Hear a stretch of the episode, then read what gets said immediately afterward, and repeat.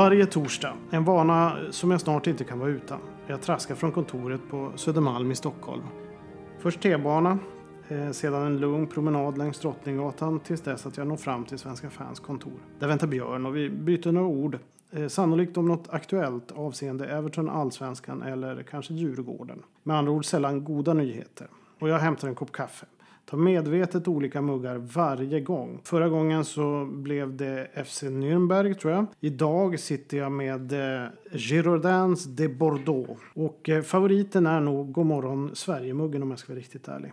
Men jag försöker variera mig. Det är alltid viktigt att variera sig i livet. Björn sätter samtidigt upp mikrofonen som pallas upp på en rad böcker om hockey. Nästan alltid hamnar en bok om Skellefteå AIK överst.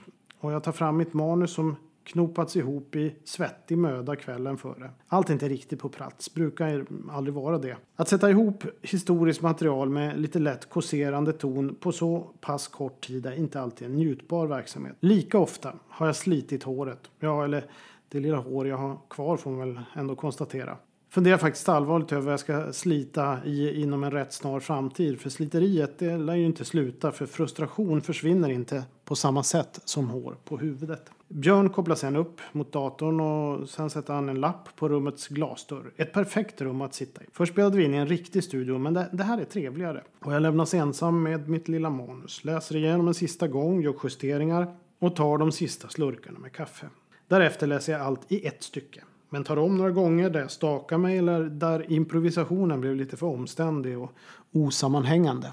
Hela proceduren tar aldrig längre än någon timme. Jag beger mig hemåt och efter middagen ägnas kvällen åt att klippa. En verksamhet jag inte är satt till jorden för att pyssla med men något som måste göras. En härlig paus är när jag åker till min äldste sons träning för att hämta honom och brukar alltid försöka se den sista kvarten. Väl hemma igen jobbar jag med det sista och oftast först runt midnatt är det klart och jag kan skriva en liten text som presentation och skicka filen sen till Björn för att han ska kunna lägga upp den på morgonen så allt är klappat och klart klockan 11.30 på fredag. Just där vid midnatt, när jag är klar, är den bästa stunden på veckan. Det blev en podd, även denna gång, och nu har jag fredag och hela helgen framför mig. Är jag inte för trött eller det är för sent så skålar jag i väntan på lördag. I all min ensamhet med en riktigt kall öl. Vandringen mot inspelningen varje torsdag fram till midnatt är den perfekta början på helgen. Det suveräna avslutet på veckan.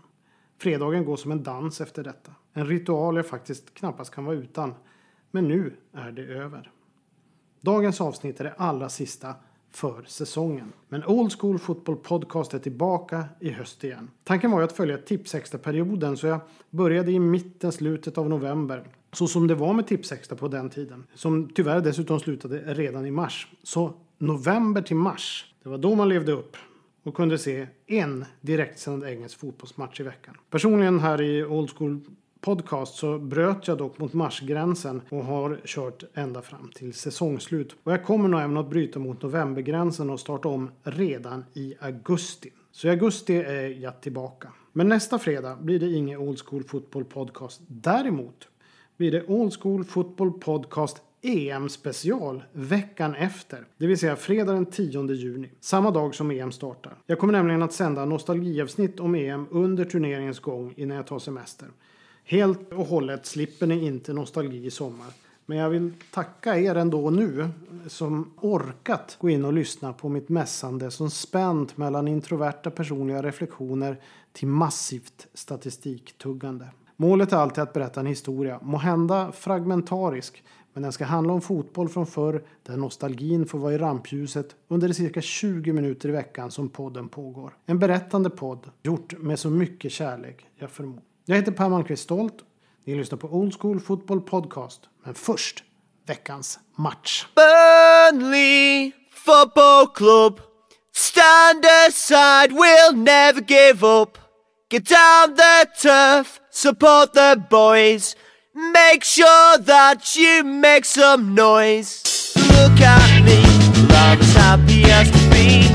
I love football, I support Burnley Claret and blue, we're the best. We're better than Blackburn and all the rest glädjefyllt. Burnley Football Club är ju åter uppe i den allra högsta divisionen och det kan ju vara värt att skänka dem en historisk liten tanke innan vi klappar ihop för säsongen. Och då går vi tillbaks till det magiska laget som tog hem ligatiteln 1959-60. Vi beger oss till den allra sista skälvande fighten. Main Road, som var fullsatt och utanför fanns massor med supportrar som inte fick plats. Dessutom många ditresa Wolves-supportrar som hoppas att Burnley skulle förlora och ligatiteln åter hamna i Midlandslagets händer. Wolves var ju storlaget på den tiden tillsammans med Manchester United. Burnleys landslagsman och ytter John Connolly var skadad men unge Trevor Meredith hade redan visat att han var mogen uppgiften. Ett misstag av Manchester Citys legendariske målvakt Bert Trotman, mannen som spelade färdigt FA-cupfinalen 1956 med bruten nacke för övrigt, missade ett inlägg från Brian Pilkington i Burnley och det gav också The Clarets ledningen. Men kvitteringen kom, bara för att unge Mer Meredith fick avgöra med sitt 2-1 mål strax före halvtid. Titeln, festen och bragden var ett faktum och de tillresta Wolf-supportrarna fick resa hem förtvivlade över att inte fylla det stora pokalskåpet med ytterligare bling-bling. Manchester City mot Burnley på Main Road i maj 1960 1-2.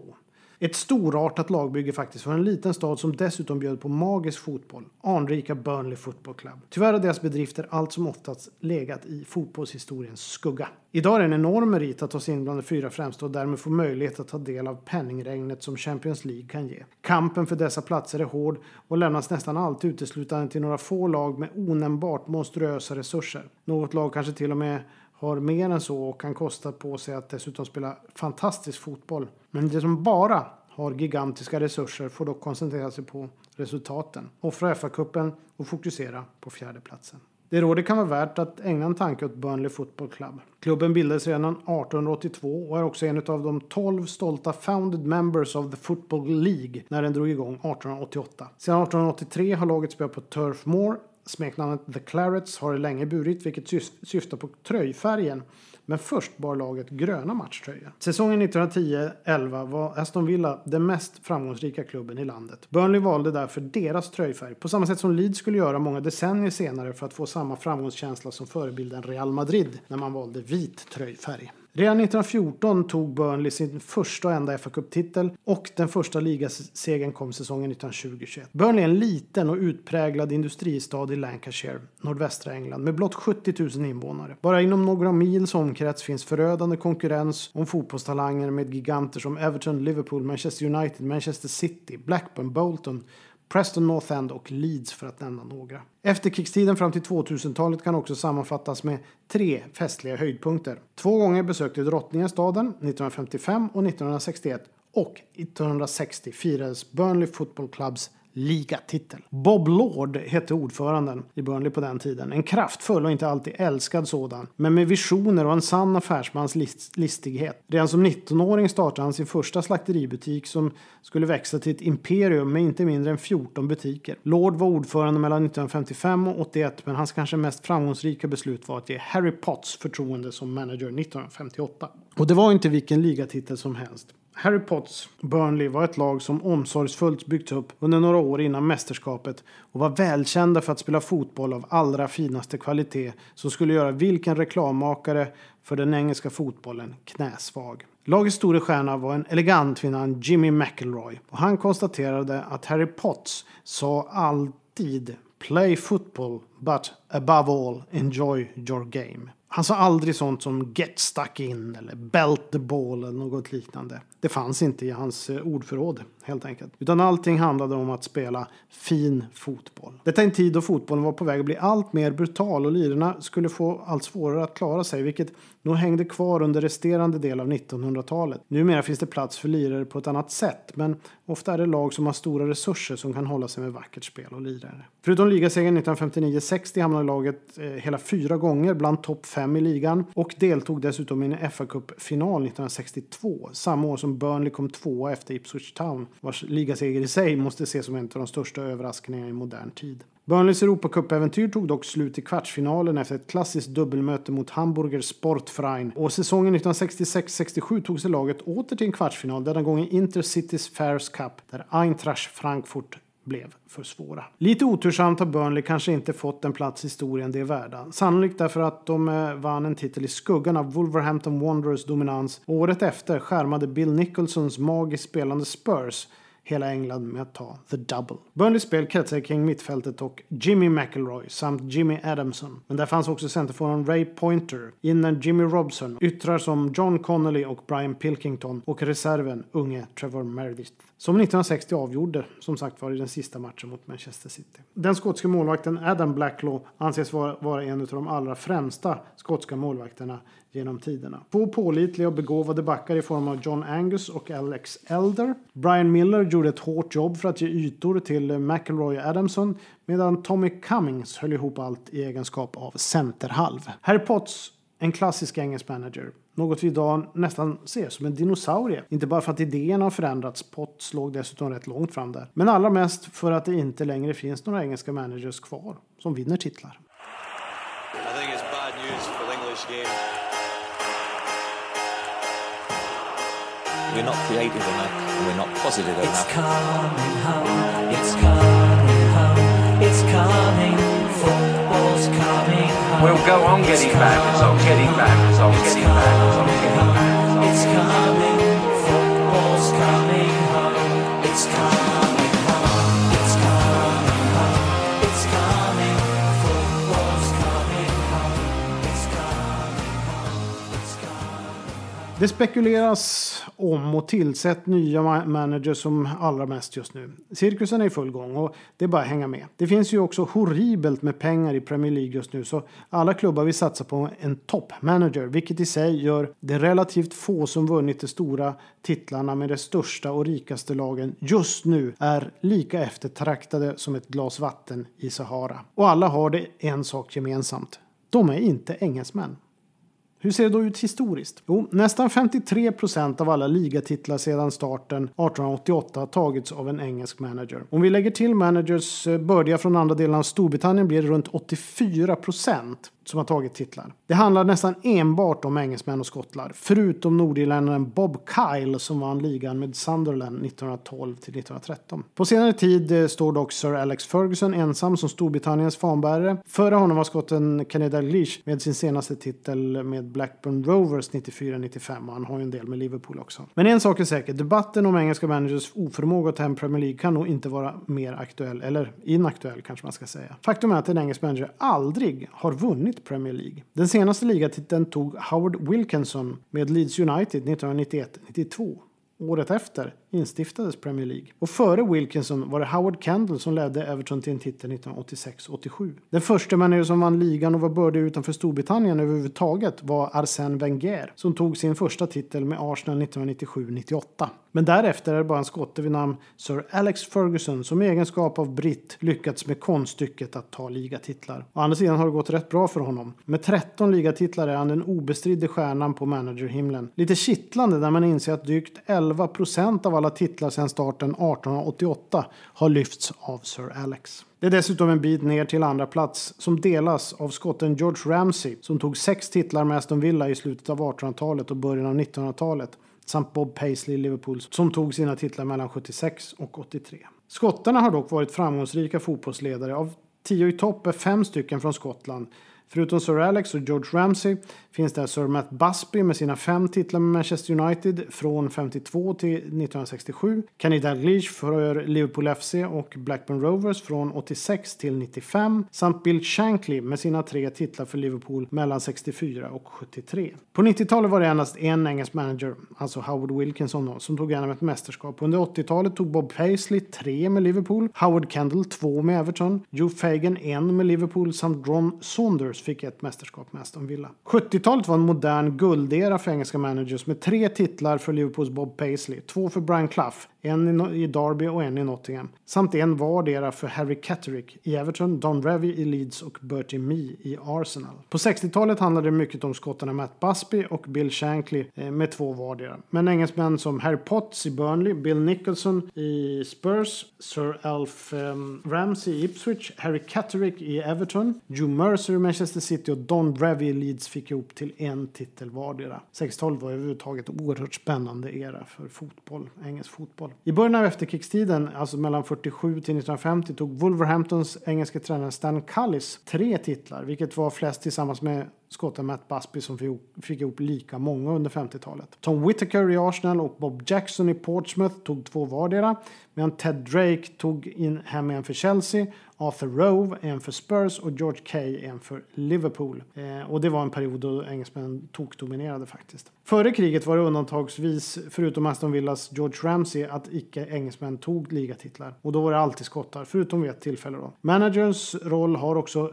stärkts över tid, måste- ska man vara medveten om. Före andra världskriget var det hyfsat vanligt med så kallade selection committees. Så sent som 1938-39 vann exempelvis Everton ligan under ledning av just en sådan selection committee. Herbert Chapman var nog den första moderna managern som inte bara köpte och sålde spelare utan även fokuserade på taktik och jobbade med laget som helhet. Chapman tog Huddersfield och Arsenal till stora framgångar under 20 och 30-talet. På 50-talet var Wolf Stan Cullis och Manchester United Sir Matt Busby goda exempel på managers som jobbade på ett sätt som vi idag skulle beteckna som managersysslor. Under 60-talet fick managern allt mer fokus och kommande tre decennier fick vi uppleva managers som hade kontroll över alla delar av klubben.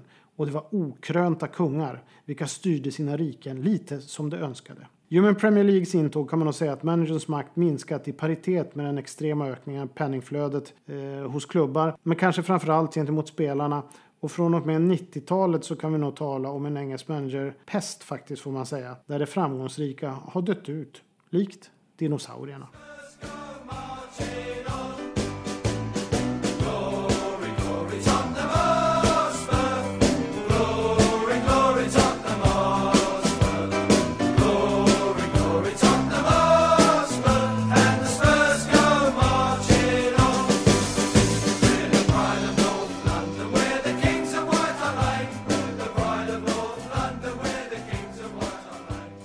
Då var det dags att avsluta den första säsongen av Old School Football Podcast. Stort tack till er som lyssnat och dessutom alla kommentarer jag fått under säsongen. Nästan alltid från oerhört pålästa och nostalgiuppskattade profiler som besöker Svenska fans eller Facebook-sidan Old School Football har. Särskilt roligt blir det när man kan få igång nya diskussioner och nörderiet blir lite mer specifikt. Och en av de kunnigaste är ju Morton, som jag inte hann skriva tillbaka till efter den senaste podden. De där kommentarsfälten stängs ju bara efter ett par dygn och är man på vift under tiden så missas chansen att kommentera något som egentligen är tidlöst numera men så oerhört intressant. Sorry Morton. Dessutom håller jag med dig om din perspektivvidgning av Dirty Leeds till Super Leeds. Don Revy hade ett koppel med makalösa lirare som verkligen kunde spela underhållande fotboll, inte bara vara dirty. Don Revy själv har erkänt att till en början var det kanske mer cyniska, men under andra halvan av storhetsperioden spelade de underhållande fotboll. Tror han sa det i polemik med Brian Clough, jag är inte riktigt säker på det, men eh, Clough har ju alltid varit en av Leeds största belackare. Ja, egentligen var de som ett rött skynke för honom, till dess att han tog över managerskapet av Revy. Vilket givetvis gick åt HVT om man säger så, och blev en av de kortaste, mest omskrivna och största fiaskorna i i engelsk managers fotbollshistoria. Bland annat lär han ha sagt till lidspelarna vid en av de första samlingarna att de kunde kasta alla sina medaljer i soptunnan då det tagits genom fusk. Och till den elegante men skadebenägne yttern Eddie Gray, som Morton nämnde i sin kommentar, kastade han ur sig att om han varit en tävlingshäst så hade han varit skjuten vid det här laget med tanke på alla skador. Och så var det där med Tottenhams elegante Danny Blanchflower och hans vältalighet. Och jag tänkte avsluta med att dra några citat från Danny Blanchflower. Och jag måste ju dra dem då på engelska så ni får ursäkta återigen att min engelska inte är sådär alldeles lysande. Men det blir liksom fel om man inte tar dem på engelska. Bland annat så har han sagt så här till en av direktörerna hos Tottenham. Eh, direktören sa The trouble with you is that you think you know all the answers. Varpå Blanchflower svarade Ah, God love you. You don't even know the questions. Och det finns ett annat citat när han möter en ung Nobby Styles, ni vet Manchester Uniteds hårdföre, eh, lite vad ska man säga, opolerade eh, fotbollsgnuggare. Och Nobby Styles går fram till eh, Blanchflower för att skrämma honom och så säger han Blanchflower, you're finished. Och Blanchflower tittar på honom och så säger han Excuse me son, I haven't read the program yet. What's your name? Och sen så gjorde han också en kommentar som jag tycker är lite rolig. Jag återkommer ju alltid till det här med lirarna eh, på 70 80-talet som ansågs som lyx och sattes ut på en kant. Glenn Hoddle, denna magiska fotbollsspelare, kunde ibland ses som så. Och när Blanchflower fick en fråga angående detta så svarade han bara Hoddle. No, it's the bad players who are the luxury. Och han har också sagt följande apropå det här. Jag tror, jag tror det här var när, när de hade svårt eh, mot de italienska lagen ute i Europa och inte fick till det riktigt. Och det var, tanken var att de italienska lagen var lite smartare på taktiken. Men han är i alla fall, jag är inte säker, men han har i alla fall sagt någonting i stil med det här. If we don't know what we're going to do, how can the other side? Och sen har han också sagt att um, football is a simple game made complicated by people who should know better. Och 1961 års FA-cupfinal när han ska gå runt med hertiginnan av Kent och presentera laget så frågar hertiginnan av Kent Why do the other team have their names on their tracksuits and yours don't? Och på Blanche Flower svarar Ah, well, ma'am, you see, we all know each other. Sen har han också sagt något som jag ganska tycker träffsäkert. He's a self-made man who worships his creator. Den är bra. Och han förutspådde faktiskt dubbeln. Eh, de tog ju dubbeln, alltså FA-cupen och ligan 1961, vilket innebär att de var det första laget det århundradet, alltså 1900-talet, att ta the double. Och Blanche Flower sa faktiskt innan säsongen We've got a good side here. We will win the double this season. Och sen har han det sista citatet som han är väldigt känd för och som beskriver lite hans syn på fotbollen och kanske faktiskt också lite grann min syn på fotbollen. The great fallacy is that the game is first and last about winning. It is nothing of the kind. The game is about glo glory. It is about doing things in style and with a flourish. About going out and beating the other lot, not waiting for them to die of boredom. Och för mig skrev han in sig i, i mitt fotbollshjärta eftersom jag är ju Evertonian. Och i mitt fotbollshjärtas kanske allra finaste kammare när han la ett uttalande om en av de största eleganterna i Evertons fotbollshistoria. Kanske inte så känd, men eh, det som sett honom spela menar att han var något alldeles magiskt. Det gjordes till och med en dramadokumentär på engelsk tv 1968 som gick under hans namn, eller den kallades för The Golden Vision. För det var smeknamnet på Alec Young. Och eh, jag låter eh, Blanche Flower beskriva vad Alec Young var och gjorde på en fotbollsplan. The view every Saturday that we have of a more perfect world. A world that has got a pattern and is finite. And that's Alex, the golden vision. Det finns så mycket symbolik, godhet och kärlek i fotboll och i det uttalandet. Och därmed stänger vi butiken för denna säsong. Men glöm inte att Old School Fotboll EM-special kommer om två veckor. En gång i veckan under hela turneringen med EM-nostalgi. Men annars Old School Football Podcast i väntan på augusti. Skål på er! Och tack så hemskt mycket ni som har lyssnat.